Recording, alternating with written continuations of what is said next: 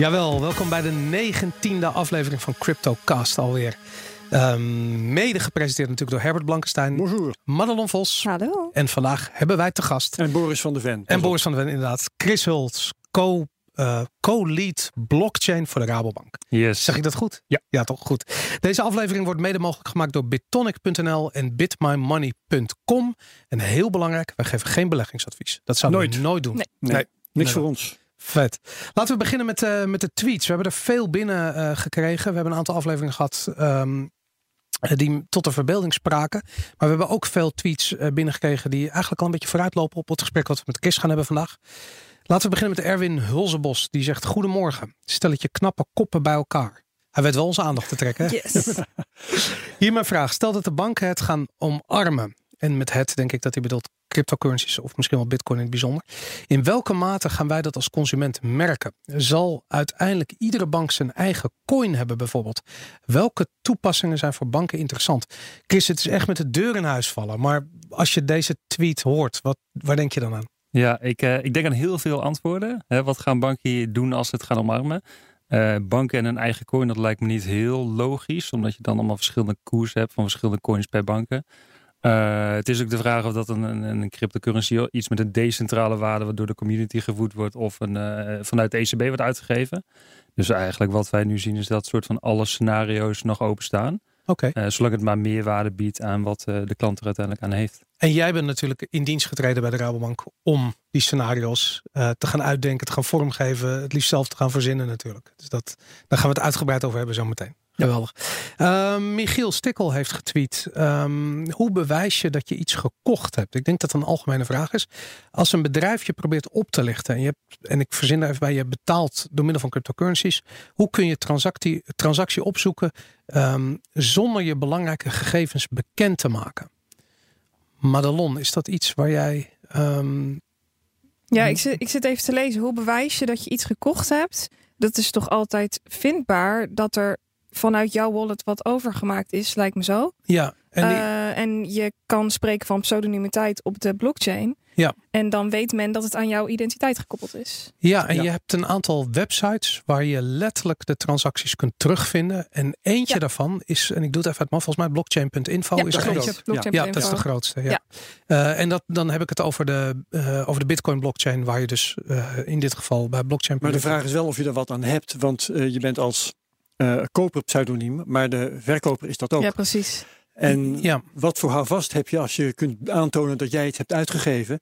Je moet aantonen dat een of andere partij die waarschijnlijk op Fiji zit of in Ja. India of kan mij wat schelen waar, dat die iets heeft ontvangen. Ja. En dan moet je nog eens een keertje met eh, dreiging van een advocaat of eh, verzin maar iets, eh, die zover krijgen dat hij ook werkelijk de pillen of wat het ook is dat je gekocht hebt, Ja. gaat opsturen. En- dus het is een kwestie van vertrouwen, denk ik. Dat blijft. Eh, absoluut. Want het, eh, bij PayPal druk je gewoon op de knop terugstorten en dan krijg je geld terug. En dat kan bij crypto natuurlijk absoluut niet. Nee. Eh, Gerben die stuurt een eh, tweet. Ehm, is de F puntje puntje de bankenmentaliteit de reden dat banken weinig over hun plannen loslaten? Durft een bank nog wel met, ehm, eh, met de technologie naar buiten te treden? Op welk gebied kunnen we de eerste vernieuwingen verwachten? Het zijn een aantal vragen in één. Eh, Chris, ik, ik, ik kan me voorstellen dat er vanuit crypto natuurlijk altijd heel veel, traditioneel gezien, negativiteit richting bank is gegaan. Ja. Betekent dat ook dat dat omgekeerd ook het geval is geweest? dat banken negatief kijken naar cryptocurrencies.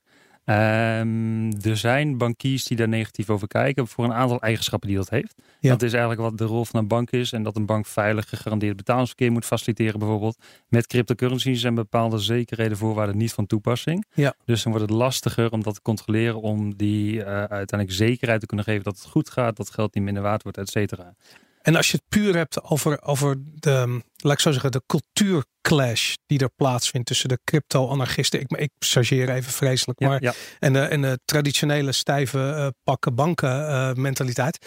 Voel je dat? Merk je dat? Ik bedoel, jij komt natuurlijk met als crypto jongen binnengekomen bij de banken. Ja, je merkt dat er heel veel verschillende opinies en meningen zijn. En dat is goed. Dat versterkt de discussie alleen maar. Ehm, het lastige is dat je vanuit meerdere invalshoeken kan bekijken. Op het moment dat jij een anarchist bent en je wil leven in een decentrale wereld zonder overheid en bank, dan is dit een uitkomst. Maar op het moment dat jij als gewone consument je kopje koffie wil afrekenen bij een Starbucks en je salaris wil ontvangen, dan heb je op zich geen behoefte aan cryptocurrency. Maar je kan het wel interessant vinden van wat daar de meerwaarde van kan zijn. En vervolgens hebben we nog de toezichthouder en de banken zelf, die bijvoorbeeld leningen willen uitgeven, hypotheek verstrekken. En op het moment dat je dat bouwt op producten die uh, cryptocurrencies hebben, wat dat betreft volatieler, fragieler kunnen zijn in deze uh, stadia, dan is dat uh, minder controleerbaar en dan kan dat niet wensen, wenselijk zijn. Dus daar, daar wordt nog heel veel over nagedacht. Je merkt heel veel verschillende opinies. Ja. En uh, ik denk ook niet dat we daar binnen korte tijd al over uitgesproken zijn. dat ik, hoop ik ook niet. Mag ik hier nog even op inhaken? Ik vind eigenlijk helemaal niet dat banken weinig loslaten over hun plannen. Nee. Ik weet niet hoe jullie daarin staan, maar als ik kijk naar hoe uh, open bijvoorbeeld de DNB is over het testen met cryptocurrencies, ik vind het nogal wat. Ik denk dat het misschien ook voornamelijk over de Amerikaanse markt gaat. Waar je ziet dat de banken zeggen van wij wachten op officiële regelgeving. Ja. Maar in de praktijk investeren ze in bedrijven die exchanges kopen. Dat is waar. Dus ze zeggen één ding en ze doen iets anders. Dus je hebt al, ik denk dat het daar, misschien is het in Nee, in Nederland, Nederland gewoon, lopen we misschien wel iets voor. misschien wel. In ieder geval wel, openheid. maar er staat tegenover de DNB is wel open geweest over de experimenten die ze hebben gedaan. Mhm. Maar over wat ze werkelijk gaan doen, hè, dingen Ja. die gevolg hebben voor de praktijk, eh, ik kan je er niks over vertellen hoor, want ik weet het dat niet. is zo. Nee. Chris, is dat, eh, is dat een goede waarneming van ja, ik, kant? ik denk op zich wel dat eh, de DNB, AFM, de toezichthouders dan in Nederland, dat die veel communiceren hierover. Ze hebben een aantal policy papers uitgeschreven, die zijn goed. Ehm, de vraag is inderdaad van waar gaat het uiteindelijk naartoe en, en wat, wat gaan we in de markt tolereren? Gaan we niks tolereren pas later? En eh, daar zijn nog geen eh, conclusies in getrokken. Dus het is ook logisch dat daar nog niks naar buiten is over, over is getreden. Omdat Ja. daar nog geen regelgeving voor is. Er Of is nog geen regelgeving. Er is ook nog, en dat is niet direct de angst, maar meer van ehm, op het moment dat de toezichthouder iets neerzet, moet het ook goed zijn. Mhm. En met de huidige status van het cryptocurrency landschap kunnen wij als toezichthouder, of kunnen de toezichthouders, niet garanderen dat ze dat goed en vertrouwd in de markt kunnen zetten. En Ja. wat zijn dan de obstakels precies? Eh, ik denk dat we daar zo op komen. Oké, dat is helemaal goed. Mooi. Ehm, ik heb nog een eh, laatste. Oh nee, een hele goede vraag van eh Yves. Ehm, eh, die, die stuurt de, tweet. Welke rol gaat de Ripple ehm, of de coin of de structuur achter Ripple? Het zijn twee verschillende dingen die los van elkaar gebruikt kunnen worden. hierin spelen. En dat vraagt hij waarschijnlijk omdat Ripple vooral in Amerika een samenwerking heeft met veel banken. Hoe kijk jij er tegenaan, Chris? Eh, de rol die Ripple gaat spelen, dat, dat is natuurlijk, eh, Ripple is eigenlijk twee producten soort van, twee, twee segmenten. De ene is eh, de Ripple blockchain met de cryptocurrency. Waar Ripple naar eigen zeggen niet, niet heel veel mee, mee doet, maar vooral voor de XRP-munt natuurlijk, het faciliteren van handel. Ehm, tweede waar zij nu heel erg op focussen, en daar zijn ook de meerderheid van de banken die je net noemde op aangesloten. Ehm, dat is het interledger protocol. Dat maakt eigenlijk eh, verschillende ledgers, of het nou een bankledger is, een bankgrootboek, of dat nou een Bitcoin ledger is, of dat de Ripple ledger is, eh, die maakt die interoperabel. Van de ene ledger kan je geld overboeken naar de andere ledger. En dat is wat banken gebruiken dus. En dat is nu waar een aantal banken mee aan het experimenteren is. En dat staat los van XRP, dus de Dat token. staat los van XRP. Er is heel veel verwarring over inderdaad. En wat je wel ziet, dat eh, XRP kan wel een methode zijn als bridge currency eigenlijk. Dat je van een ene ledger wat overmaakt naar een XRP en dat weer overmaakt naar een ander ledger, andere ledger. Maar de banken, wat ik zo weet, zijn daar niet mee bezig. Is de, en de Rabobank is daar dus ook niet mee aan het experimenteren. Heeft ook niet die samenwerking met Ripple, toch? Nee, wij zijn niet met die XRP aan het experimenteren, Nee. inderdaad. Ehm, als laatste vraag van Meijsen. En die vraagt. ehm, ik, ik, heb het, ik heb deze tweet ertussen gezet omdat ik hem exemplarisch vind eh, voor het soort tweets wat we, wat we binnenkrijgen. Eh, als centrale banken een whitepaper hadden, zou ik mijn bedenkingen hebben. Unlimited coin supply, consensus door middel van eh onbenaderbaar groepje mensen. Ja, ja, ja. Ehm, en ik vind, ik, eh, wa- waar ik om- aan de ene kant is het een beetje flauw om die directe vergelijking te trekken. Aan de andere kant heb ik zoiets van, dit is nou een goed voorbeeld van die, van die cultuurclash. Ehm, je kunt een traditioneel bedrijf als een bank natuurlijk niet door dezelfde ogen bekijken als veel crypto-initiatieven. Maar als je het wel doet, zie je opeens wat een ontzettend verschil er tussen die twee werelden zit. Ja, er zit, er zit inderdaad een heel groot verschil. En dat, dat ligt ook net aan vanuit welk oogpunt je dat bekijkt. Bekijk je dat van het oogpunt van Bitcoin is de wereldmunt die alle andere currencies ter wereld overbodig gaat maken. Daarvan zegt de centrale bank dat werkt absoluut niet. En Mhm. daarvan heb ik ook mijn absoluut ernstige twijfels of het op een of andere manier ooit haalbaar zou kunnen zijn. Dan ga ik weer vragen waarom niet en dan zeg jij, daar gaan we het zo over hebben. En terecht. Want ik vind het dan mooi, want die vraag zet wel gelijk, legt zijn vinger op de zere Ja. plek. Want je, Ja, ja. Het, het, het, het, het is bijna een, je, je moet een volledige uh, shift in perceptie toepassen. Wil je opeens naar de wereld kijken door de ogen van een Bitcoin-maximalist? Of door een centrale bank maximalist als het ware. En ik ben, daarom vind ik het zo tof dat je hier bent. Omdat ik benieuwd ben hoe die, hoe, hoe die twee dingen ooit op, op een manier samen gaan werken. Maar goed, daar gaan we het dus zo over hebben. Ga ik... laten we even verder gaan met het nieuws. Um, Chris, is er jou iets opgevallen in het nieuws afgelopen week wat je zou willen bespreken? Uh, niet heel veel. Wat ik hier merkte natuurlijk dat uh, BitHub volgens mij die exchange weer was gehackt. En dat weer krantartikelen van de zoveelste, van mijn tweede exchange in de week die was gehackt. Uit, uh, Bithumb. Bithumb. T-H-U-M-B. Zuid, Zuid-Korea was dat. Ja, ja en dat, dat merk je gewoon dat die, die industrie heeft behoefte aan meer zekerheid, aan garantie. Hè. Technisch gezien werkt het 100%, maar mensen zijn altijd een factor waar het fout kan gaan. En dat is waarschijnlijk ook zo bij die exchanges. Verder wat ik nog wel meer in mijn uh, industriecategorie was een rapport van de BIS, uh, BIS, de Bank of International Settlement. Een soort van allemaal centrale banken gecoördineerd uh, onderzoeksinstituut. Die heeft een paper geschreven over cryptocurrencies beyond the hype. Nou, zijn we natuurlijk heel benieuwd wat daar dan in gaat staan. En wat mij op zich tegenviel, is wat dat de, vooral de negatieve aspecten werden benoemd en de werking daarvan. Uh, maar zonder in te gaan op wat. Uh, of ze gingen eigenlijk alleen uit van de huidige situatie. Dus hoe Bitcoin nu is met drie tot zeven transacties, met de congestion dat het netwerk vastloopt bij Ethereum, bij Bitcoin, met de fraude, criminaliteit die nu waarschijnlijk uh, daarop actief is. in plaats van verder te kijken van oké, wat zijn nou alle technologische innovaties die er gaan, kunnen gaan plaatsvinden. Bijvoorbeeld Lightning Network hebben jullie vaak over gesproken. Um, je kan een vertrouwde identiteitscomponent eraan toevoegen. Je kan centrale bank currencies eventueel op een uh, blockchain zetten. Of die nou helemaal open is of bijna helemaal open is.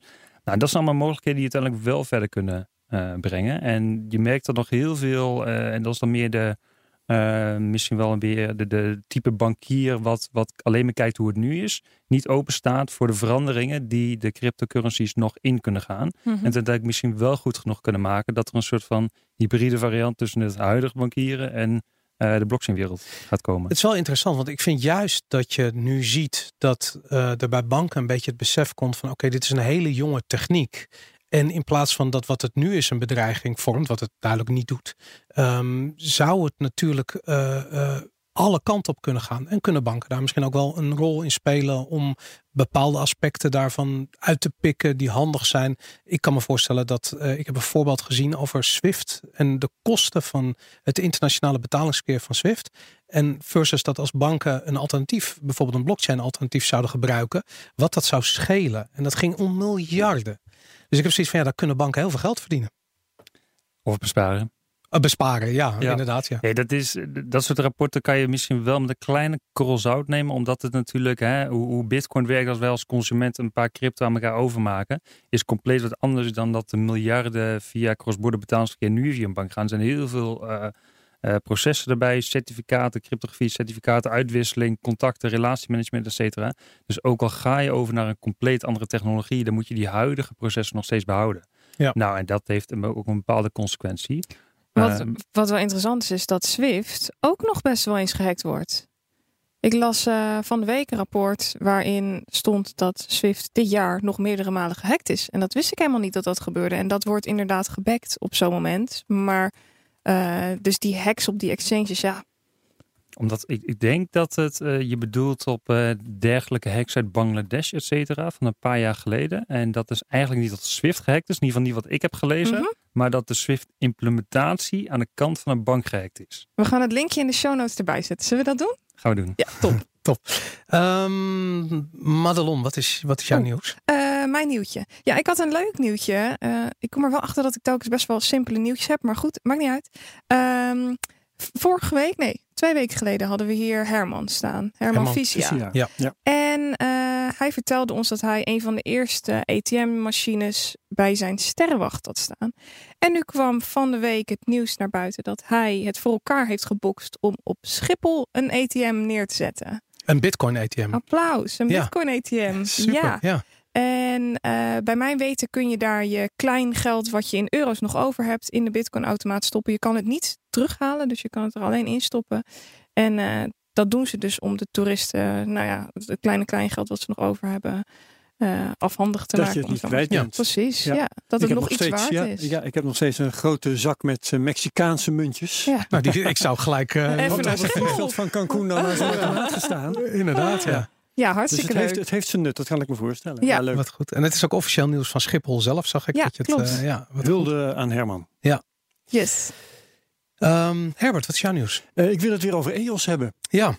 Uh, vorige week was het geloof ik, of was het twee weken geleden. Toen heb ik uh, al gemeld dat uh, met EOS iets raars aan de hand was. Want die blockchain die is dan wel geactiveerd, maar nog niet helemaal live. Er moet nog gestemd en dat had te maken met een stemproces dat moest plaatsvinden. En dat hing op um, de software die gebruikt werd. Want daar moet je dan wel je private key in stoppen. Anders ben je niet, kun je niet bewijzen dat je bent wie je bent.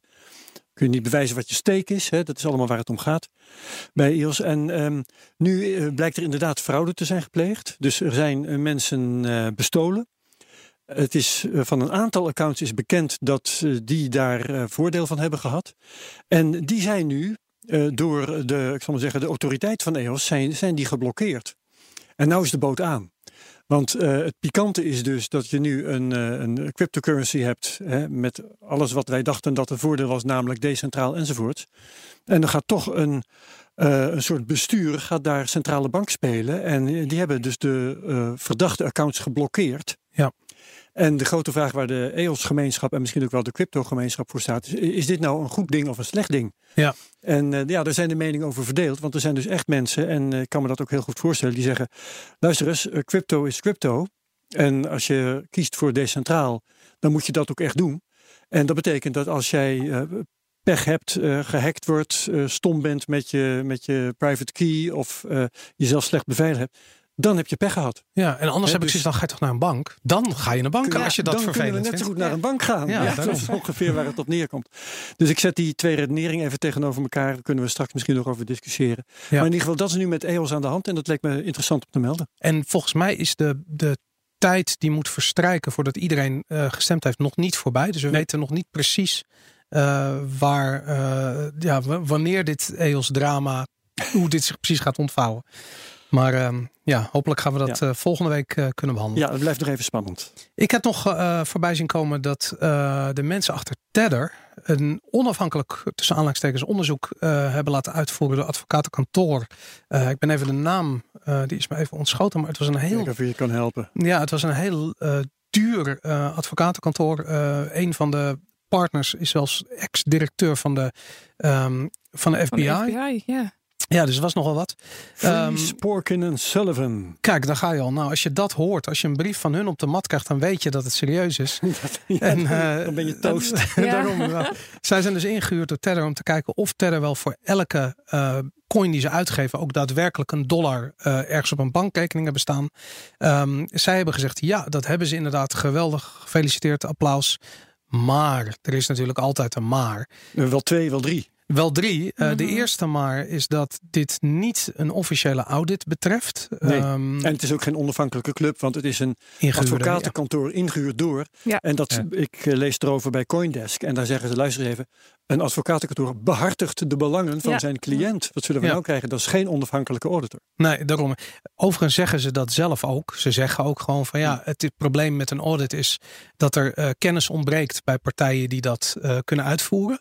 Uh, en nog belangrijker, uh, die partijen die dat kunnen uitvoeren zijn vaak hele traditionele Wall Street uh, firma's die uh, eigenlijk crypto nog een beetje vies vinden. En die willen Ja. daar niks mee te maken hebben. Al als simpele ziel uh, ben ik wel geneigd de vraag te stellen: uh, hoe moeilijk kan het zijn om te laten zien dat je het is Ja. er 2,5 miljard of zo op de bank hebt staan? Printscreentje van de bankrekening. Kijk even naar Chris. Inderdaad. Dat moet makkelijk zijn. Dat moet makkelijk zijn. Ja. En dan zul je sommige eh, delen van dat kapitaal, eh, weet ik veel, hebben uitgeleend of eh, iets mee gedaan. Maar goed, het zijn een beperkt aantal posten dat je bij elkaar optelt. Het is toch geen raketwetenschap. Nou ja, daar gaat het over. Ik bedoel, je kunt misschien wel 2,5 miljard op een bankrekening hebben staan. Maar wie zegt dat je dat niet morgen terug moet overmaken naar de persoon van wie je dat geleend hebt? En Hmm. waar komt dat geld vandaan? En Ja. dat moet natuurlijk helemaal uitgezocht worden. En het probleem hierbij is, is dat stel dat zij, wat heel erg, wat iedereen vermoedt, dat zij niet 2,5 miljard hebben, maar dat ze gewoon heel veel geld hebben en met dat geld naar de bank zijn gestapt en die 2,5 miljard geleend hebben. Ja. Met andere woorden, dat andere resterend bedrag gewoon geïnvesteerd hebben in Bitfinex en wat voor bedrijven ze nog wel niet, niet meer allemaal hebben. Ehm, of Lamborghinis of wat dan ook.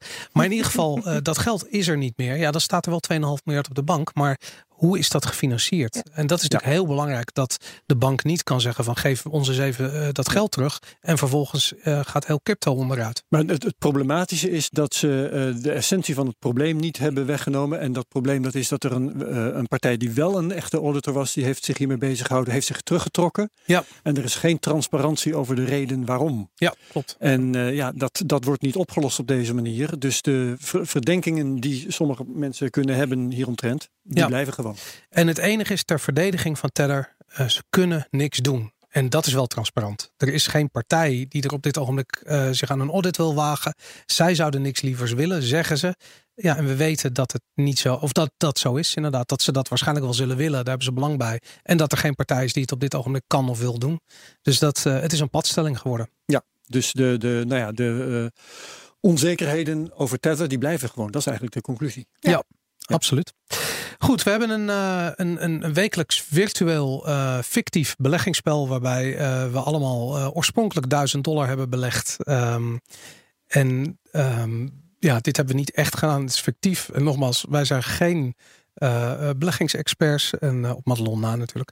Eh, maar we geven Geen allemaal geen, advies. we geven allemaal geen advies. Madelon geeft ook geen advies. En de uitslag van deze, eh, eh, de- deze week zal ik aantonen waarom dat is. Herbert, zou jij willen beginnen? Ja, ik wil beginnen. Eh, op dit moment ehm, heb ik alweer een dollar minder dan vanmorgen. Toen ik jullie een screenshot stuurde. Ik heb 558 dollar en 18 cent.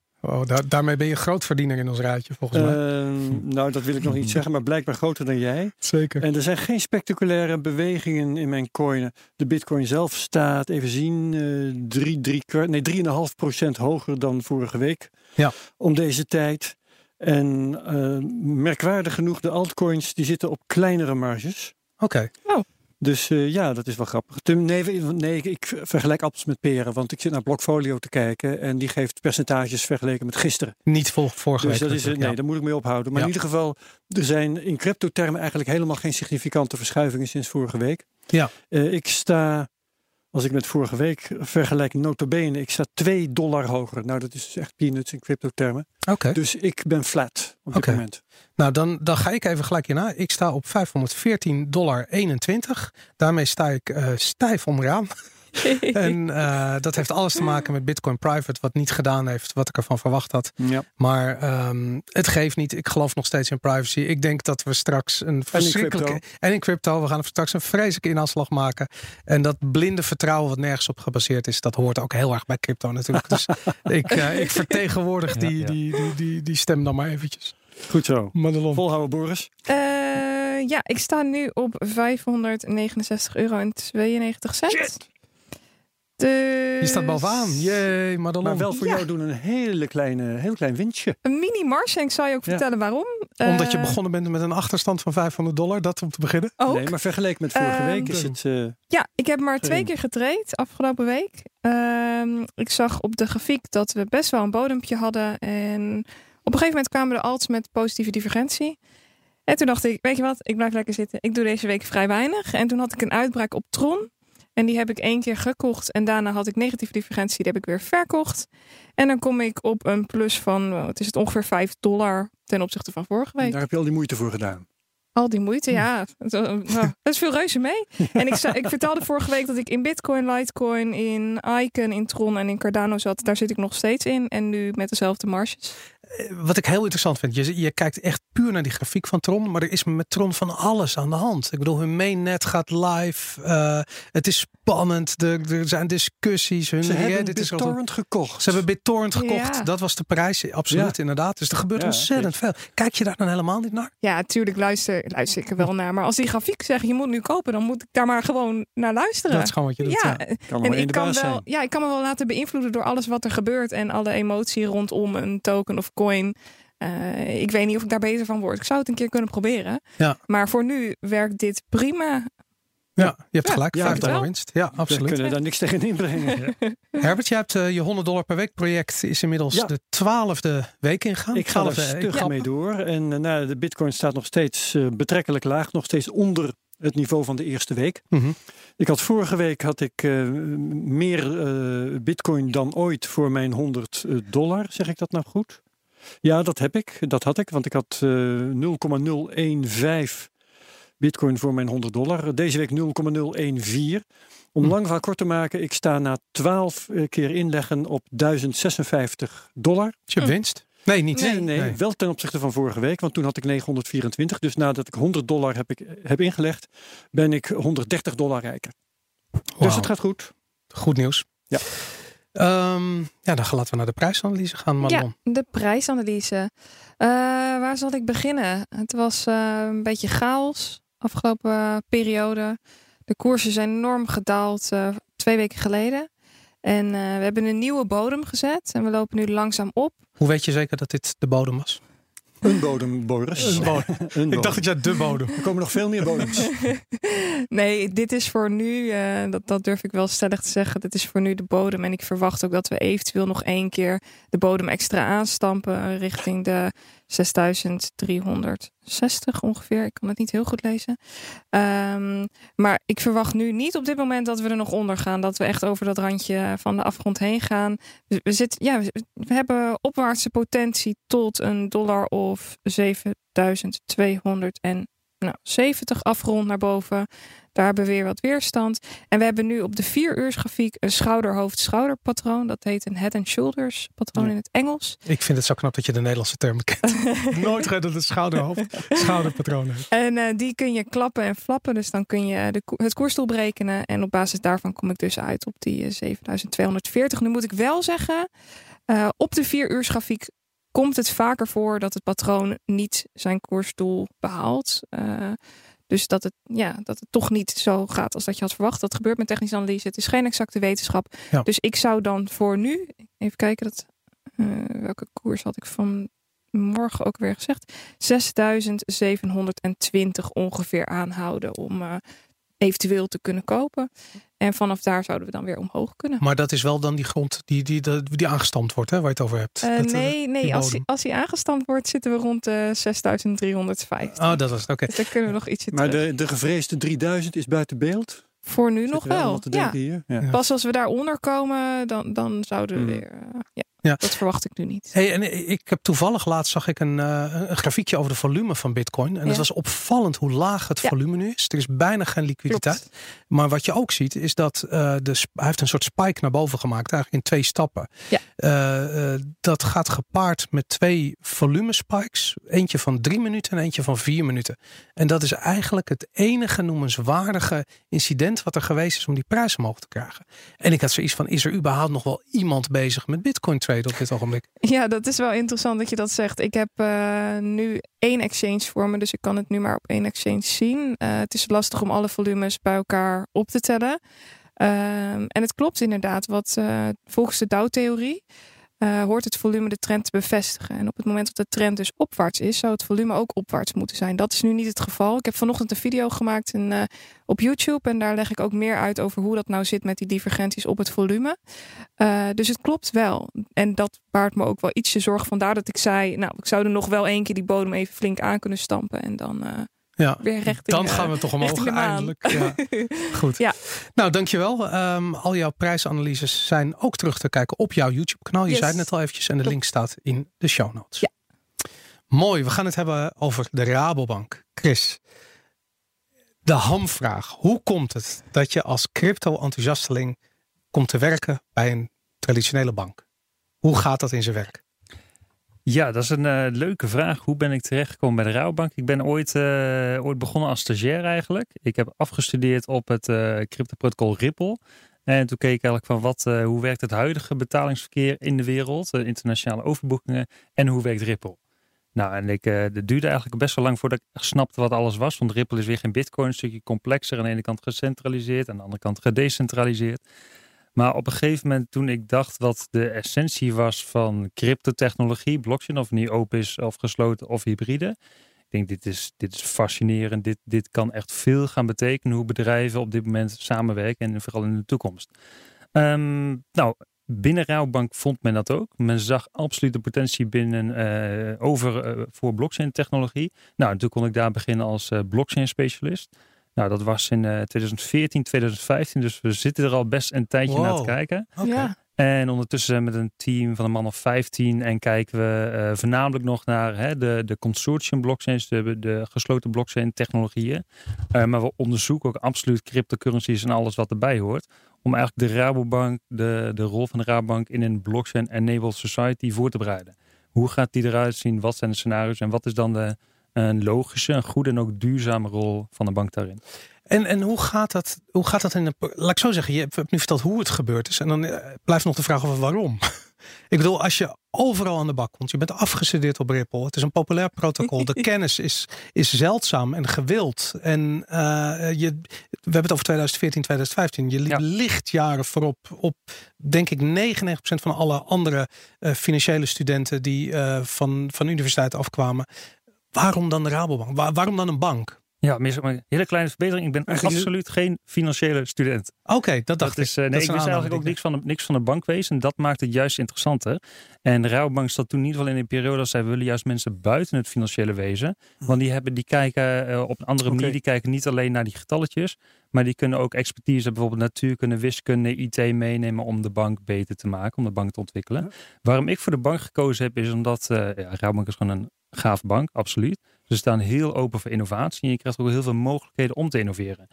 En eh komen we straks ook bij, bij bijvoorbeeld Rabobit, hè, dat, dat klantonderzoek wat wij gelanceerd hebben. Dat kan, wij kunnen daarnaar kijken, zeg maar. En men vindt het fascinerend om te zien wat onze klanten van cryptocurrency vinden. En hoe wij uiteindelijk daarover na kunnen denken om eh, in de toekomst een eventueel andere of betere rol in te nemen in het blockchain en of cryptocurrency gedeelte. Ja, en, en hoe ervaar je eh, zelf tijdens je eh, studie en tijdens je eh, reis, die ongetwijfeld heeft plaatsgevonden in die rabbit hole van crypto, waarbij je steeds meer leert over de techniek en over wat decentralisatie zou kunnen zijn.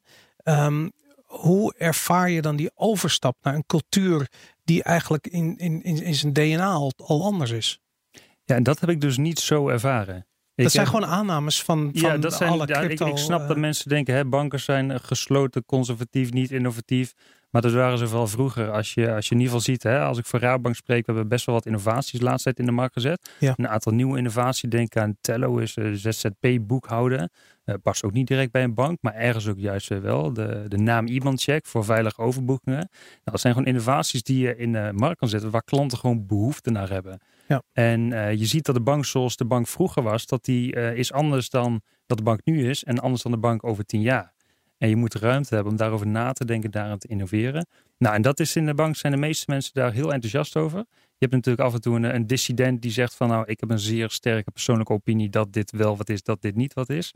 Ehm, maar eigenlijk ben ik juist blij met dat soort mensen, omdat dat versterkt de discussie heel erg. En dan ga je zeer inhoudelijk praten over wat de mogelijkheden zijn. Ja, en is het dan zo dat jij bij alle projecten betrokken wordt? Stel je voor dat iemand is bezig met eh, eh, direct overmaken van betaling. Bijvoorbeeld iets wat heel erg speelt nu bij banken in Nederland. Heb ik begrepen. Het feit dat je niet meer drie dagen hoeft te wachten voordat het geld van de ene bank naar de andere. Instant payments. Instant payments, inderdaad. Ehm, het ligt voor de hand om daar bijvoorbeeld naar crypto te kijken. Of je dat nou gebruikt, ja of nee. Maar het ligt voor de hand om maar naar te kijken. Word je dan direct daarbij gehaald? Of, of is het nog zo van nou, laat die crypto jongens maar een beetje hun eigen Ja. ding doen daar? Nee, absoluut. Die zijn we direct in het begin zijn wij hierbij gehaald. Dat, was, eh, dat werd via de betaalvereniging geïnitieerd. Een koepelvereniging van banken. En die zei van wij gaan de instant payments kijken. Maar parallel wordt er gekeken naar of blockchain hier wat in kan betekenen. Nou, we hebben onderzoek gedaan. Dat, eh, er waren de zogenaamde bier- en pizza sessies van de banken. Nou, ik zeg persoonlijk beviel me dat altijd heel erg goed. En eh, dat geeft ook aan hoe banken innoveren natuurlijk. We hebben een aantal proof of concept gemaakt. Waar we gewoon getest hebben hoe werkt interbankair betalen in Nederland via blockchain technologie. Nou, we konden prima binnen 10 seconden betalingen doen. Maar uiteindelijk zeiden we dat ehm, in Nederland is voldoende vertrouwen om niet op een blockchain architectuur te hoeven eh, bouwen. Ja. Dat Het doe je- vertrouwen tussen de banken bedoel je? het vertrouwen tussen Ja. de banken Ja. in Nederland, dat is goed genoeg om een meer gecentraliseerde oplossing te hebben. Dat is prima. En qua performance is het ook een stuk beter. Ja, kan het dan wel snel want- genoeg? Instant payments kan zeker snel genoeg, absoluut.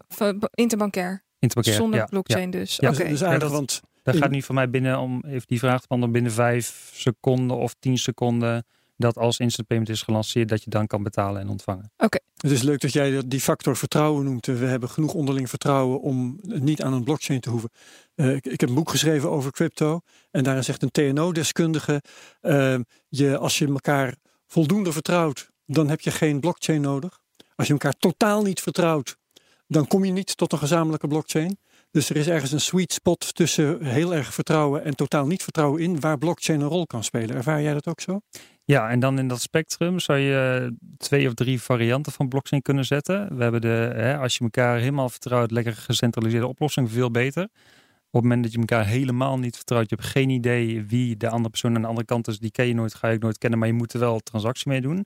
Dan zou je de publieke blockchain technologie, eventueel met een extra uh, permission sausje zoals dat dan heet, identiteitsverificatie, uh, geen uh, volatiele coin, et cetera, kunnen bouwen. En daartussenin zit dan de consortium blockchain, dat je met een aantal partijen, of het nou 10 zijn, 50 zijn, 100 zijn, op een blockchain uh, architectuur platform zit en daarin transacties uitwisselt. Of het nou geld is, documenten, handtekeningen. Ja, ja. Het kan nog altijd chain zijn. gedoe. Ja. ja. Ik hoor je vaak blockchain zeggen en heel weinig bitcoin zeggen. Ik weet dat dat een ding is uh, op een gegeven moment bij banken geweest. Er is een, ik denk twee jaar geleden had dat een soort hoogtepunt dat iedere uh, financieel expert of eigenlijk iedereen uit de bankenwereld die bij BNR bijvoorbeeld aanschoof en praatte over, over dit onderwerp, die had het over blockchain. Want bitcoin dat is voor drugsdealers en zwart geld, zwartspaarders en zo. Um, is dat nog steeds zo? Merk je dat dat, dat, dat dat soort aannames er nog zijn? Ja, wat, hoe wij cryptocurrencies zien is eigenlijk als een disruptieve innovatie met nogal wat ruwe randjes. Dus uh, we zien dat het veel kan. Als je kijkt, het is gewoon een open samenwerking, open administratie. Um, je kan er betalingen doen, je kan er documenten over versturen, handtekeningen delen. Maar het is niet gecontroleerd. Uh, het is uh, open, iedereen kan meedoen. En daardoor het is ook niet gereguleerd. En daardoor kunnen er zaken gebeuren waar je zelf geen controle over hebt. Nou, en dat is heel lastig voor banken, voor toezichthouders, omdat we eigenlijk alleen maar zaken doen waar we controle over hebben, waar we kunnen garanderen dat het goed gaat. En geef eens een voorbeeld van die controle, want als je het gewoon hebt over een financiële transactie, dan is dat toch een financiële transactie? Nou, een voorbeeld van die controle is dat, eh, stel dat wij bitcoin betalingen faciliteren, kunnen wij nooit garanderen dat een betaling zeker is. Sterker nog, de, trans de, eerste transactie vanaf 2009 kunnen wij niet garanderen dat die zeker is. Want het protocol wiskundig gezien zo werkt dat je altijd een betere voor kan hebben met meer energie erin, hashing power. En dus dat wordt de finale versie. Ja. Uh, dat is iets uh, waar je dan naar moet kijken van wanneer is iets wel final. Ja. Is dat na zes blokken, wat nu uh, vaak gebruikt wordt, of is dat met meer blokken? En stel dat een bank iets doet op cryptocurrencies en er vindt een fork plaats. Op welke fork gaan wij dan zitten? Ja, maar dat, dat zijn hele grote, ja, het is letterlijk een grote, een fork, dat is nogal wat. Uh, ja, ik bedoel, dat maar het gebeurt, wel. Het gebeurt wel, ja. Helemaal op het moment dat je ziet, en nu zitten vrijwel geen grote partijen erin die vanuit de operatie iets met cryptocurrency doen. Als ze dat wel doen, dan is een fork des te gevoeliger en des te grotere discussie van uh, krijgt een partij, na, is die nadelig beïnvloed voor de ene vork of de andere vork. Maar dat is toch prachtig, want dat is precies wat er bijvoorbeeld bij de, bij de exchanges, dat zijn discussies die eh, elke dag gevoerd worden, bij wijze spreken. Daar wordt echt van moment tot moment worden daar beslissingen in gemaakt. Soms goede beslissingen, soms slechte beslissingen. Maar in ieder geval is daar een heel team mee bezig. Um, en ik denk juist de, de, uh, de mindstate dat iets wat nu werkt over tien jaar en het gaat nooit meer veranderen. Uh, dat lijkt me juist zo moeilijk. Het lijkt me zo, dat lijkt me nou de essentie van die, van die cultuurclash. Dat je dus je, je moet dat protocol blijven uh, monitoren en blijven analyseren en blijven bekijken. Om te kijken of het nog voor je bank werkt. En met protocol bedoel je dan een, een cryptocurrency protocol? Een bitcoin protocol bijvoorbeeld. Ja. dus je gaat dus op het moment dat zo'n fork eraan zit te komen, dan weet je dat natuurlijk van tevoren. Uh, en heb je daar een strategie op ontwikkeld. Ja, klopt. En dat, dat zal inderdaad, hè, als de corporates overgaan op de cryptocurrency wereld, zal dat moeten gebeuren. Uh, en je kan dan ook, uh, wellicht komen er hybride varianten. Dat, dat, zijn een aantal heel leuke scenario's. Bijvoorbeeld de EU heeft een tender uitgezet voor een EU blockchain infrastructure. Ik weet niet wat ze ermee bedoelen, maar het klinkt geweldig. Stel dat elk land een paar nodes beheert en je daarop allemaal transacties kan doen. Het kan cryptocurrency-based, het kan niet cryptocurrency-based. Um, dat geeft net iets meer controle. En ik denk uiteindelijk dat het ligt aan het type toepassing wat je hebt, op welk netwerk je gaat zitten. Um, om een leuk voorbeeldje te noemen. De, we hadden afgelopen twee weken geleden een grote blockchain-conferentie bij de Rabobank, gehost door de Rabobank. Ja. Nou, volledig vol 400 gasten, sprekers uit India, Pakistan, over de hele wereld. Video's op YouTube heb ik gezien, inderdaad, ja. Ja, het, ja, alles staat op YouTube inderdaad. Dat is fascinerend om te zien de, de, het verschil in meningen, opinies van al die verschillende sprekers die er waren. Ook bijvoorbeeld over ICO's. Um, en wat wij voor die conferentie live hebben gezet was een, een dAppje, een decentrale app op het Ethereum testnet. En daarmee kon je netwerken. Dus wat je dan deed op het moment dat je met elkaar netwerkt, dus je kent elkaar als QR-code, dan krijg je een extra punt daarvoor. En we konden live bijhouden via de blockchain wie het beste had genetwerkt. Nou, dat is zoiets dan is een leuk applicatietje. Nou, je kan wat mee niet heel veel. Het heeft weinig, uh, je moet weinig kunnen controleren dat alles helemaal goed gaat. Dus dat zou je bijvoorbeeld op zo'n publieke blockchain kunnen zetten. Ja, ik wil nog even terug naar um, wat je net zei toen Boris vroeg. Waar, waarom houden jullie niet gewoon met crypto bezig? Toen zei je, nou we kunnen niet garanderen dat transacties echt gedaan zijn. Um, dat, je, je praat dan over risico. En uh, als het gaat om uh, is een, wanneer is een transactie definitief, dan kun je in feite uitrekenen hoe groot is op een bepaald moment de kans dat die nog herroepen wordt. Ja. Daar zijn gewoon getallen voor. Uh, je kunt toch gewoon een grens instellen en zeggen van als het uh, risico dat het niet, dat, dat die nog wordt herroepen, als het zo klein is, dan beschouwen we dat gewoon als, als zeker en gedaan. Er zijn toch risico's die zo klein zijn dat ze niet meer significant zijn, ook niet voor een bank. Ja, nee, absoluut. Ik gebruikte dit. Dit is trouwens niet de enige reden hè, dat, dat wij er wat uh, mm -hmm. kritisch naar kijken af en toe. Maar dit is een, een vergelijking voor het feit dat er iets is wat wij niet kunnen controleren. Dus er zit een bepaalde onzekerheidsfactor bij en dat is nieuw. En daar moet je dan mee leren omgaan. Ja, maar wat ik dus zeg is, uh, het is in feite een kwestie van uh, rekenmethodes ontwikkelen. En met z'n allen een grens vaststellen waaronder je een risico als niet bestaand ja, gaat beschouwen. En dan en kun je verder. Ja. Waarom doen jullie dat niet gewoon? Waarom doen wij dat niet gewoon? Wat een leuke vraag. Um, momenteel zitten er nog wel wat meer issues aan cryptocurrencies, aan uh, bitcoin en andere. En een, een voorbeeld daarvan is, uh, de hele grote is de herkomst van gelden. Jullie vast al vaak gehoord in Ja, deze ja, ja. uitzendingen. Waar komt het geld vandaan? Is het niet gelinkt aan witwas? Is het niet gelinkt aan terrorisme financiering? Nou, dat moet je zeker kunnen weten. Omdat bitcoin volledig pseudoniem is. Dus op het moment dat je niet de identiteit van de betaler weet, weet je ook niet waar het geld vandaan komt of waarom. Um, kan je niet garanderen dat het niet om dergelijke betalingen gaat. Daarom is er ook de aanname dat in het criminele circuit redelijk gebruik wordt gemaakt van bitcoin en andere cryptocurrencies. Alleen is het lastig dat je dat nooit kan bewijzen, omdat dat dus pseudoniem is. Maar ik, heb namelijk wel, eens wat verkocht uh, aan crypto. En toen kreeg ik een brief van de Rabobank. En er stond in van, kun je alsjeblieft even aantonen hoe je aan deze, uh, uh, hoe je aan deze crypto komt.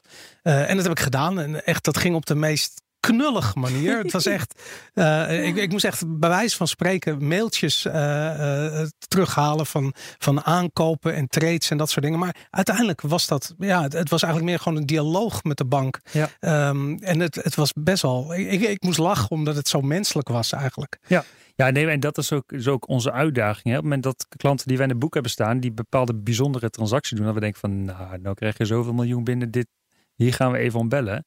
En dan is de vraag of je in de dialoog kan aantonen of jij dat echt jouw geld is en hoe je dat hebt verkregen, hoe je dat hebt gehandeld eventueel. En dat kan helemaal prima zijn. Maar we hebben ook klanten, uh, waar ik van gehoord heb, die dat niet kunnen aantonen. Die dan met vage constructies blijven. En dat is voor ons een teken dat er wellicht iets niet aan de haak is. En wat gebeurt er dan? Uh, dat ligt aan het specifieke geval. Het kan zijn dat de klant geen rekening meer mag houden bij de rouwbank. Dat hij zijn geld niet doorgestort wordt. Dat er samen met een, uh, de overheidsinstantie nagekeken wordt. Dat zijn meerdere mogelijkheden. Ja, ja op die manier. Hey, ik ben benieuwd. Jullie hebben een groot onderzoek gedaan. Uh, ik, ik wil ook, er zijn een aantal dingen die heel interessant zijn aan wat de Rabobank aan het doen is met crypto. maar laten we beginnen bij Rabobit. Um, wel, ik zeg het goed, hè? Rabobit. Rabobit yes. Ik denk wel eens yes. Rabit, maar het is de Rabobit. Hoe, wat is dat precies? Ja, even hoe het ontstaan is. Rabobit is een, een klantonderzoek van ons, een moonshot. En we hebben eigenlijk elk jaar een moonshot periode. Dan kan iedereen binnen de hele bank, dus alle 45, 60.000 mensen kunnen ideeën bedenken hoe we de bank van de toekomst eruit gaat zien. En hoe ze dat idee willen realiseren. Nou, en dan komen zo'n gemiddeld 200 ideeën per keer uit. En vervolgens gaan die ideeën, dat idee valideren op straat. Van hebben jullie hier behoefte aan? Ze maken presentaties, kijken naar de business case.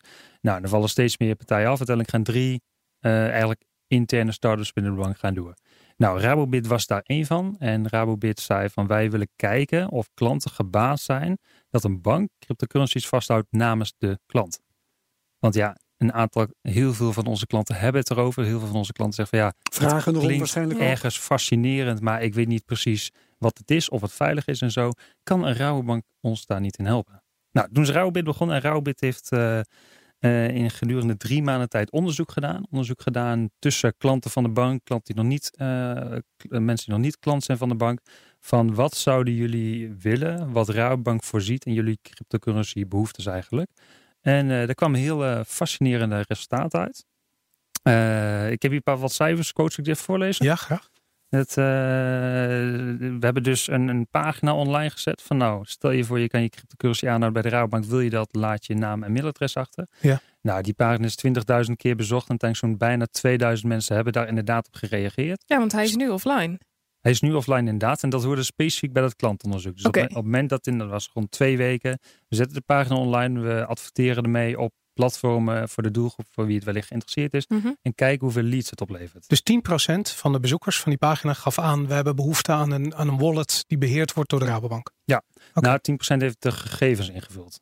Maar de met... vraag was toch van als je dat wil, dan vul je gegevens in. Ja. Daarom. Dus die, maar we kennen ook genoeg mensen die wel iets zouden willen, maar dan nog niet direct een gegeven. Dat ze al op die manier. Dan, ja. Natuurlijk, inderdaad. Ja. Ze wilde het misschien nog niet zo heel erg.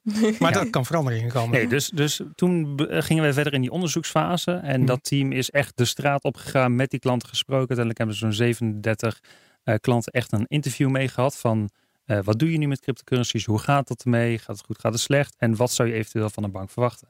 En je ziet dat er een, een gigantische behoefte is van consumenten om meer vertrouwen, meer zekerheid te krijgen over hun cryptocurrencies. En we kennen allemaal wel mensen die ja, crypto zijn kwijtgeraakt. Uh, ja. Bij de beveiliging, precies. Hulp bij de beveiliging. Er waren mensen die zeiden van ja, alles is in het Engels. Het kost me een maand inleestijd. En nog steeds heb ik het gevoel dat het elk moment mis kan gaan. Ja. Mhm. ja. Uh, van die geïnterviewde mensen heeft ook 15% aangegeven dat ze wel eens crypto zijn kwijtgeraakt. Nou, dat is een best hoog percentage. Als je dan kijkt naar de opmerking die jij net maakte, Madelon van Swift. Ja, hoe vaak zijn jullie geld kwijtgeraakt bij de rouwbank? Nooit. Nou, nooit. Vrijwel niet. En nee. als dat al was, was doordat je per ongeluk een verkeerde overboeking had. En daar hebben we nu die naam iemand check voor, dus dat ook al niet meer, ja. zeg maar. Nou, in hoeverre kan de rouwbank dat eventueel uh, beter maken? En daar heeft het onderzoek zich op gericht. Ja. En wanneer is zo'n dienst er dan? Ben ik benieuwd. Ja, en, en hoe, hoe vindt Rabobank zelf dat ze het beter kunnen maken? Want uh, oké, okay, er is behoefte aan dat Rabobank daarbij helpt, maar zijn er ook concrete ideeën gelanceerd? Ja. Overwegen jullie Dit onderzoek was dingen? in maart. En nu zijn we in juni. Dit onderzoek uh, was in maart begonnen. Dus okay. dat is nu nog steeds, nu vindt er nog steeds oh, plaats. Okay. Uh, wanneer komt het er? Dat weten we nog niet. We weten niet of het überhaupt nog komt. Dat praten we eerst voor nog verder met onze klanten intern, maar ook natuurlijk met de toezichthouder. De ja. AFM heeft bijvoorbeeld al zeer expliciet aangegeven dat uh, dit niet willen. Een dergelijke crypto in, dan houdt het initiatieven. Uh, vanwege dat uh, aan de ene kant help je een groep klanten. Mm -hmm. uh, die geeft je meer ruimte. Aan de andere kant zijn er een hele grote groep klanten die zegt van nou, ik weet niet zo goed wat het is. En op het moment dat um, een bank, een conventionele, een goede, betrouwbare bank als Rabobank zegt van wij doen er wat mee, dan zal het wel goed zijn.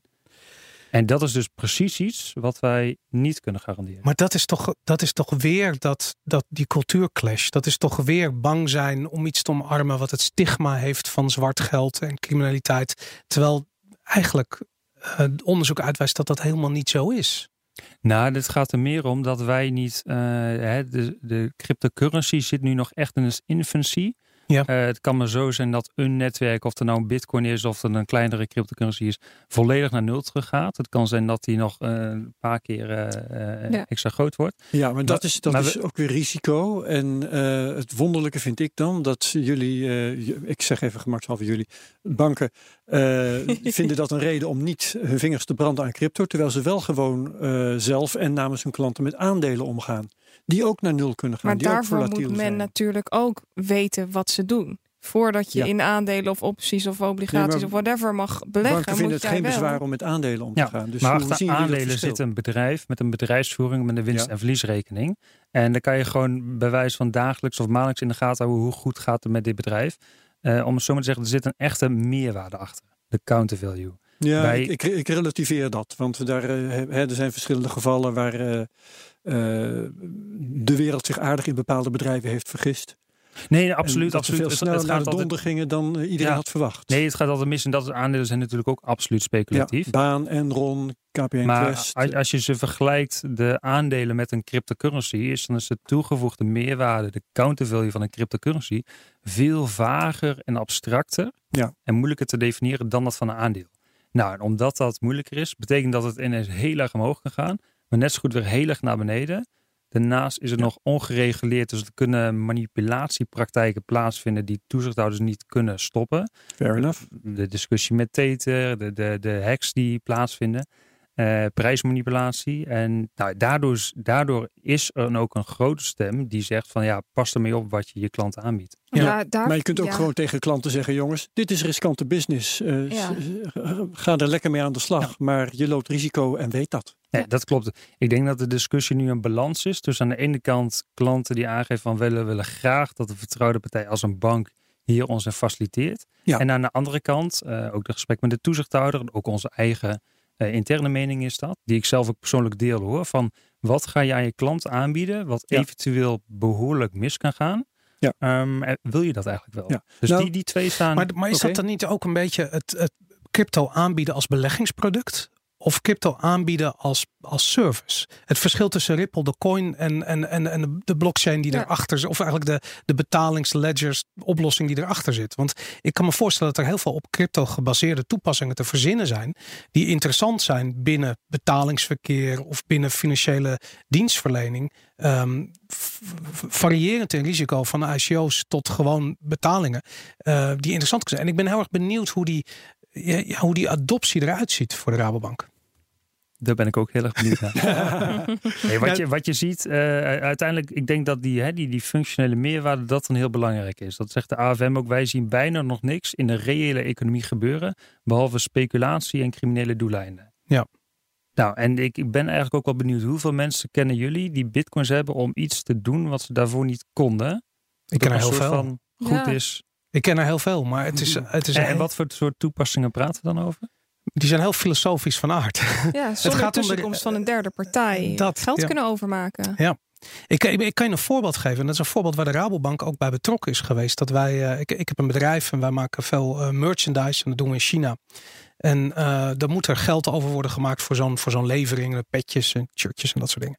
En ehm, eh, die betaling liep- verliep via de Rabobank internationaal naar een bedrijf in China. En dat moest dus uiteindelijk in eh, renminbi betaald worden. Maar wij moesten euro's betalen aan de Rabobank. Die met, zelfs met tussenkomst van de Rabobank filiaal in Hongkong geloof ik. Heeft het drie keer of drie transacties geduurd voordat het geld daadwerkelijk op die rekening stond.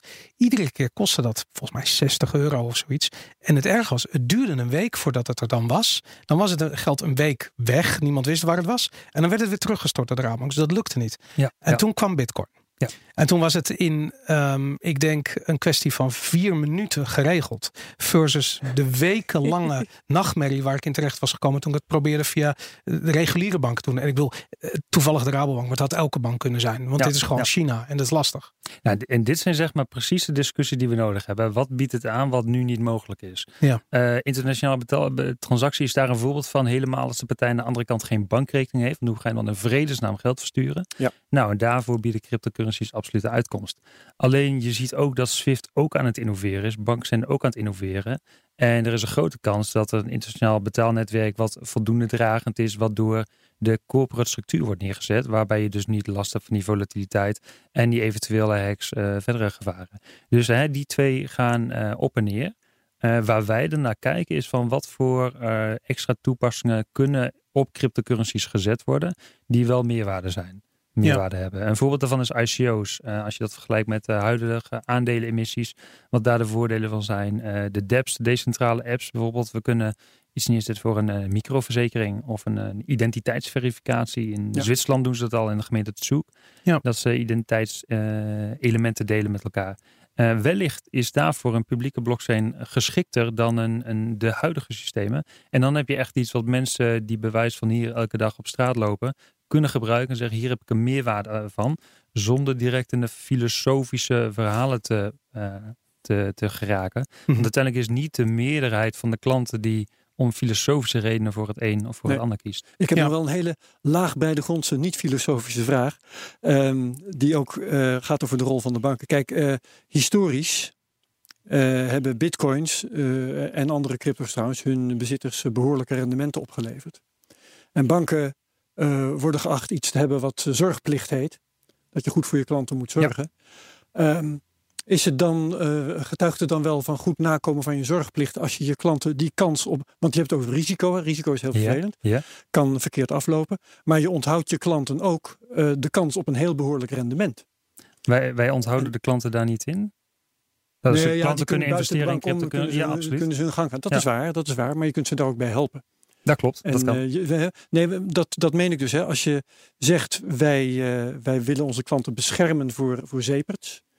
eh, dan hoort daar toch ook bij dat je je klanten, als je dat doet, dan onthoud je je klanten de kans om met jullie hulp eh, die, die winsten Ja. te halen die ook Ja, in het en, verschiet en- kunnen en liggen. dat is ook een heel positieve kant van de discussie. Hè? De cryptocurrency wereld, alles wat daar gebeurt. er gebeuren wat dingen die af en toe niet helemaal goed gaan. Mhm. Om het eh, licht te zeggen. Ehm, maar de bank kan het juist ook veiliger maken. Je vroeg me net ook, hè, wat zou Ja. een scenario zijn hoe de bank dat dan kan accepteren. En een, een scenario wat we hebben uitgewerkt is bijvoorbeeld dat je als eh, klant met je eurorekening bij een van de Nederlandse banken bij de Rabobank zegt ik wil graag bitcoins aanschaffen. De bank koopt namens jou die bitcoins. De klant ziet in zijn appje, wacht, je hebt nu zoveel bitcoins. En als je dat wil verkopen, ga je naar de bank. Mag ik dit weer omzetten in euro's? En je kunt zelfs zeggen, eh, wij, geven ju- wij geven jouw spaarder eh, niet meer bitcoins dan 10% van je spaartegoed of zo. Als je de spaarder Bijvoorbeeld, wil je beschermen mag, niet, tegen... je mag niet lenen hiervoor. Wij doen nog een extra klantcheck of dit Ja. wel eh, geschikt is voor jouw profiel, et cetera.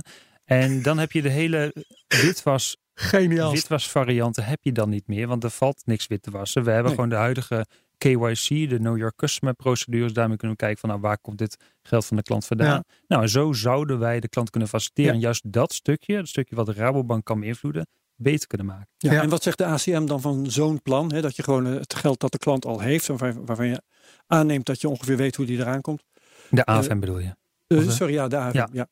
Nou, de AFM die zegt eh, dat ze zeer negatief staan, zeer kritisch zijn ten opzichte van dergelijke ontwikkelingen. Hm. Juist vanwege eh, wat zij zeggen dat in de reële economie niet veel anders is dan speculatie en criminele doeleinden. Zijn en dat willen ze niet legitimeren. Ja. Sorry, zijn ze niet gewoon stiekem een beetje bang? Ik kan me voorstellen dat de AFM het lastig vindt om dit te controleren. Want op het moment dat dit Dat is heel diplomatiek eh, zo'n antwoord. wordt opgepakt Politiek correct. in bijvoorbeeld Nederland, dan kan jij, wat er kan gebeuren, hè, hypothetisch, dat eh, alle banken crypto-wallets faciliteren en iedereen uit de wereld gaat naar Nederland, want daar houden de banken crypto bij. We investeren het massaal en ineens blijkt een, een hack of een coin gaat naar nul. Of het blijkt een, van die, die prijsmanipulatie wat heeft plaatsgevonden. En Maar is dat dan en- erg? En het ineens, is ongereguleerd. ineens hebben we heel veel huilende Nederlanders, om het Ja. zo maar te zeggen. En dat is zeg jullie van- schuld. Waarom heeft de toezichthouder, waarom hebben de banken dit Ja. gefaciliteerd? Ik ben geld kwijt, zoals jullie nu ook allebei geld kwijt zijn. Ja. Het is ergens je eigen risico, maar ergens is het ook, eh, denk aan de derivaatdiscussie, wat faciliteert de bank in mijn financiële Mhm. gedrag? Wat ik me afvraag is, eh, er is niet lang geleden is er een, eh, zijn er cijfers van naar buiten gekomen en het was een beetje appels met peren vergelijken, maar de, iedereen vond de grap heel leuk dat Deutsche Bank minder winst had gemaakt dan volgens mij was het Binance, een grote Ja. exchange.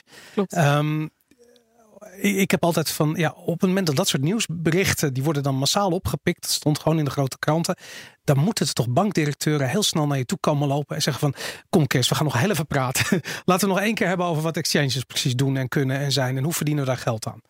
Ja, ja, ja. Eh, de Rabobank staat ervoor om de klanten te helpen in wat klanten willen. En Rabobank staat er niet per sang om, om zoveel mogelijk winst te maken. Ja, ik Dus, snap hè, dat je die dat antwoord geeft, maar kom op. Ook alweer heel verantwoord dit. Nee, wat we wel zien is dat eh, er was ook een quote van eh, in de interviews dat ze 5% betalen per transactie of voor een account openen. Ja. Ja. dat zijn gigantische bedragen. Vergelijk dat met hoeveel je betaalrekening nu kost. Dus eh, je ziet gewoon, er moeten meer aanbieders in die markt komen om die prijs omlaag te drukken. Dat het, eh, de toegangsdrempel steeds lager wordt. 5%, volgens mij was het 0,05% per transactie op Binance. Verwaarloosbaar volgens mij. Ja, het was heel laag hoor. Het, was, het is juist heel goedkoop om te traden bij Binance. Ja, het verschilt. Ik, ik weet even niet welke exchange het was, maar om je aan te melden of transacties te doen. Zoiets, ja. ja. Af en toe zijn er gigantische bedragen dat je denkt, die 60 euro die jij net zei voor jouw transactie, Ja. valt erbij in het niet. Een Ja, coin, een coin betaalt belachelijke bedragen om genoteerd te mogen worden. Dat in ieder geval. Daar zit ook een businessmodel. Ja. Is, uh, ik weet dat er in Nederland gebouwd wordt aan een aantal exchanges. Uh, er zijn er ook al één of twee. Uh, mm Bitonic is er eentje natuurlijk. Is het niet heel erg voor de hand liggend voor Rabobank om te gaan samenwerken met dat soort partijen? Zeker als ze al lang bestaan, veel kennis in huis hebben en juist heel erg gerenommeerd zijn. Wat een hele interessante ontwikkeling is, is dat er de vierde witwasrichtlijn, ik weet niet of jullie dat wat zegt, nee. mij eigenlijk niet, maar uh, daarin wordt wat, wat banken nu moeten doen aan een klant. Van wie is je klant? Uh, witwassen, de WWFT, uh, eh, financiering van terrorisme, et Ik weet niks van witwassen vertellen. ga verder, sorry. je hebt um, de regels die waar banken nu aan moeten voldoen. Die regels worden ook toegepast op exchanges. Ja. Dus exchanges hoeven nu eigenlijk nog niks bij te houden. Dus jij kan gewoon onder de nickname Borisje bij wijze van zonder jouw achternaam paspoort te geven treden. Je kan ineens miljoenen erop zetten van je Bitcoin account zonder dat zij erna hoeven te gaan. Mm dat gaat niet meer mogelijk zijn. Als ik het goed begrijp. En dat betekent dat ineens een exchange een stuk meer vertrouwen krijgt. Een stuk meer garant kan staan dat de, de zaken, de activiteiten daarop gebeuren, dat die goed zijn, door de beugel kunnen. En dan kan het voor een bank ook veel interessanter zijn daarmee samen te werken. Of dergelijke exchanges in de boeken te nemen. Maar dat doen ze toch al nu? Ik heb echt nog nooit, ja, één keer in 2013 was dat denk ik dat ik niet mijn paspoort hoefde te laten zien. Maar voor de rest moet ik altijd mijn uh, proof of citizenship en whatever, dat je hier woont. En het zijn Amerikaanse regels vaak waar ze eh, gaan houden. maar ook de exchanges in China of in Europa, waar je toch die KYC... Veel, uh, veel doen het al, vind een hele positieve ontwikkeling. En op zich is die ook wel logisch, want als jij er uh, aanziet komen dat je over x jaar moet bijhouden wie je klanten zijn, kan je maar beter direct beginnen. Mhm. Dan dat als dat moment moet en je moet al je bestaande klanten toegang ontzeggen tot hun crypto portefeuille voordat ze zich geïdentificeerd hebben. Ja, even om een beeld te krijgen van hoe de, um, uh, hoe de ontwikkeltijd loopt bij banken. Um, ik weet... mag, ik even, mag ik even één vraagje nog? Want anders dan zijn we die aansluiting kwijt. Uh, zou de AFM het wel goedkeuren als jullie op een of andere manier samenwerken met een exchange? Dus uh, weet ik veel, erin investeren of een ander soort van partnership aangaan? Moet je de AFM vragen. Daar ben jij nog niet van op de hoogte. Nee, ik heb het niet aan de AFM gevraagd, dus ik weet het antwoord niet. Nee. Ja, we moeten, dat, uh, we moeten die duidelijk uit. AFM ook ja. weer uitnodigen. Ja. Even nog over de, de, de, de ontwikkeltijd en de toekomst. Ik weet dat instant payments een ding was. Volgens mij is dat drie jaar geleden in gang gezet. Ik had het eventjes snel opgezocht. Uh, er zijn op dit, op dit ogenblik twee banken die het uh, geïmplementeerd hebben. Punkbank en de ABN, eventjes uit mijn hoofd.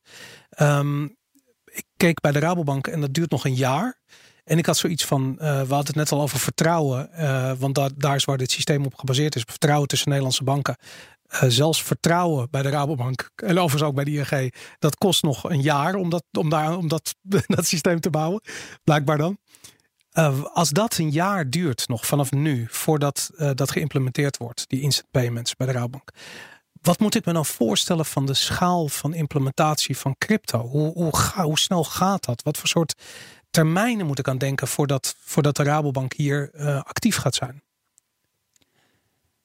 Dat is een uh, hele goede vraag. Ik, ik, ik ben ook niet op de hoogte van het instant payments traject, wat de tijdslijnen daarin zijn. En qua uh, stil, hypothetisch gezien dat wij wat met cryptocurrency kunnen doen. Uh, we hebben een behoorlijk leuke innovatiemachine binnen de bank, die gewoon heel snel nieuwe innovaties neer kan zetten.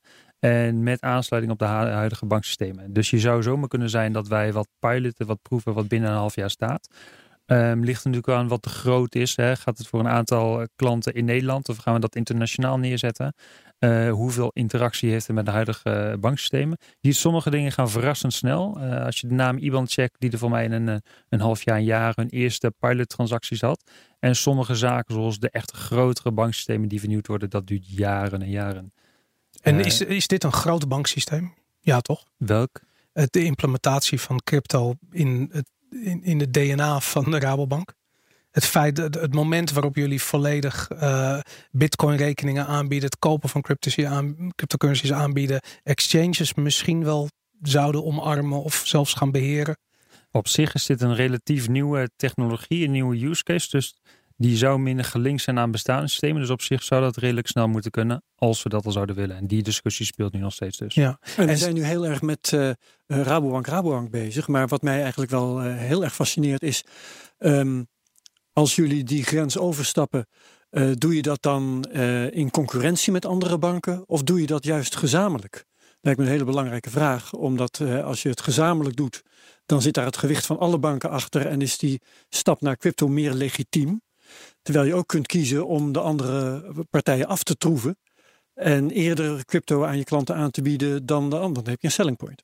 Ja, op dit moment kijkt, uh, kijkt echt zelfstandig naar de crypto, cryptocurrency industrie en onderzoekt hè, vanuit open-minded open-minded mindset of en hoe we daar wat kunnen aanbieden.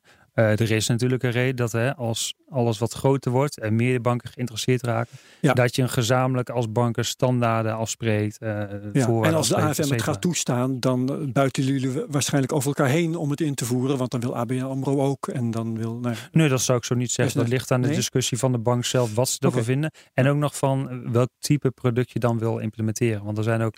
een bank kan ook advies geven om in welke cryptocurrency te investeren, hè, wat jullie absoluut niet doen. Nee, nee, het, is, uit. het is een mogelijkheid en, en ook daar kijken we naar. Ik verwacht niet dat die, uh, dat die gaat komen, zeker niet snel, maar dat het niet snel gaat komen.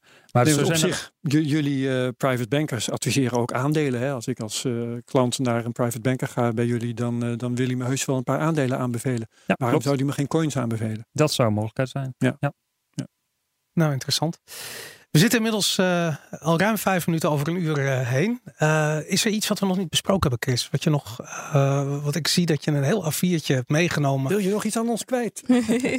oh, dit was een beetje. Ik had een A4'tje mee met wat quotes van, van Rauwebit en wat het uiteindelijk voor de consument oplevert. Misschien een leuke om mee af te sluiten is dat die consumenten die wij hebben geïnterviewd echt zeggen van uh, wat er nu misgaat. Ik ben mijn bitcoin kwijt, ik ben mijn hardware wallet, weet ik niet meer te vinden. Het is zo lastig, is niet uh, Engelstalig. Even kijken, wat staat hier nog meer? Dit is ook een leuke. in december kon ik er niet van slapen. Ik had er 60k staan. Ja, dat soort zaken gebeuren. En het is dan de vraag of wij als rouwbank die klanten, klant wens kunnen honoreren. En zeggen van nou, wij gaan jullie daar, daar wat voor jullie neerzetten.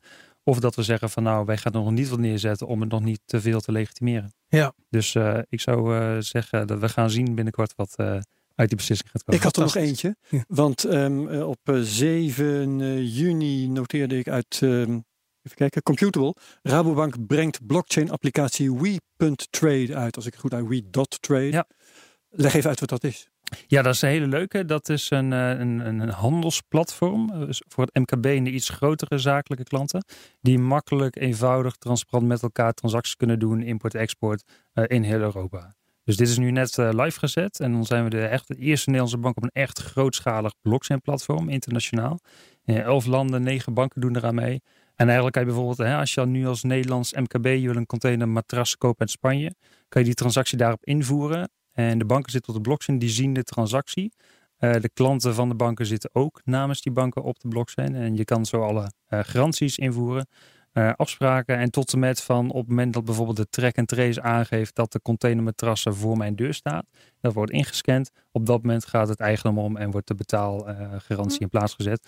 Door het blockchain platform, door de smart contracts die daarbij horen. Ja, super. En wat biedt dat voor voordelen in een blockchain applicatie? Ten opzichte van gewoon een of andere database die bijvoorbeeld bij de bank staat of bij een uh, stichting die je daarvoor opricht. Ja, en dat is, we hebben specifiek voor blockchain gekozen omdat we daarmee met meer partijen tegelijkertijd kunnen samenwerken. We zitten nu met negen banken. We willen naar zoveel mogelijk banken. Uh, eerst Europa, daarna naar Azië toe. Omdat de consumenten daar heel erg zeggen van we hebben veel wantrouwen in transacties, trade-transacties met Azië. Nou, en uiteindelijk een centrale database redt dat niet meer. Omdat al die honderden banken mogelijk in de toekomst moeten vertrouwen op die ene partij. Dat werkt niet meer. En met een decentrale applicatie, dat banken een eigen kopie hebben van de transactiegegevens, werkt dat wel. Het is een beetje het probleem wat ik met uh, de Bank of China had. Uh, wat zou kunnen worden opgelost zodra zij toetreden tot het WeTrade platform? Absoluut, dan staat het instant voor beide banken ter beschikking en kunnen ze direct de transactie uitvoeren. Super. Ja. Chris Huls, hartstikke bedankt voor je komst. Super. Dit was uh, CryptoCast uh, nummer 19. Herbert Langstein bedankt. Marlon Vos bedankt. En, Boris uh, bedankt. Yes, en onze sponsors bitmymoney.com en bitonic.nl. Tot volgende keer.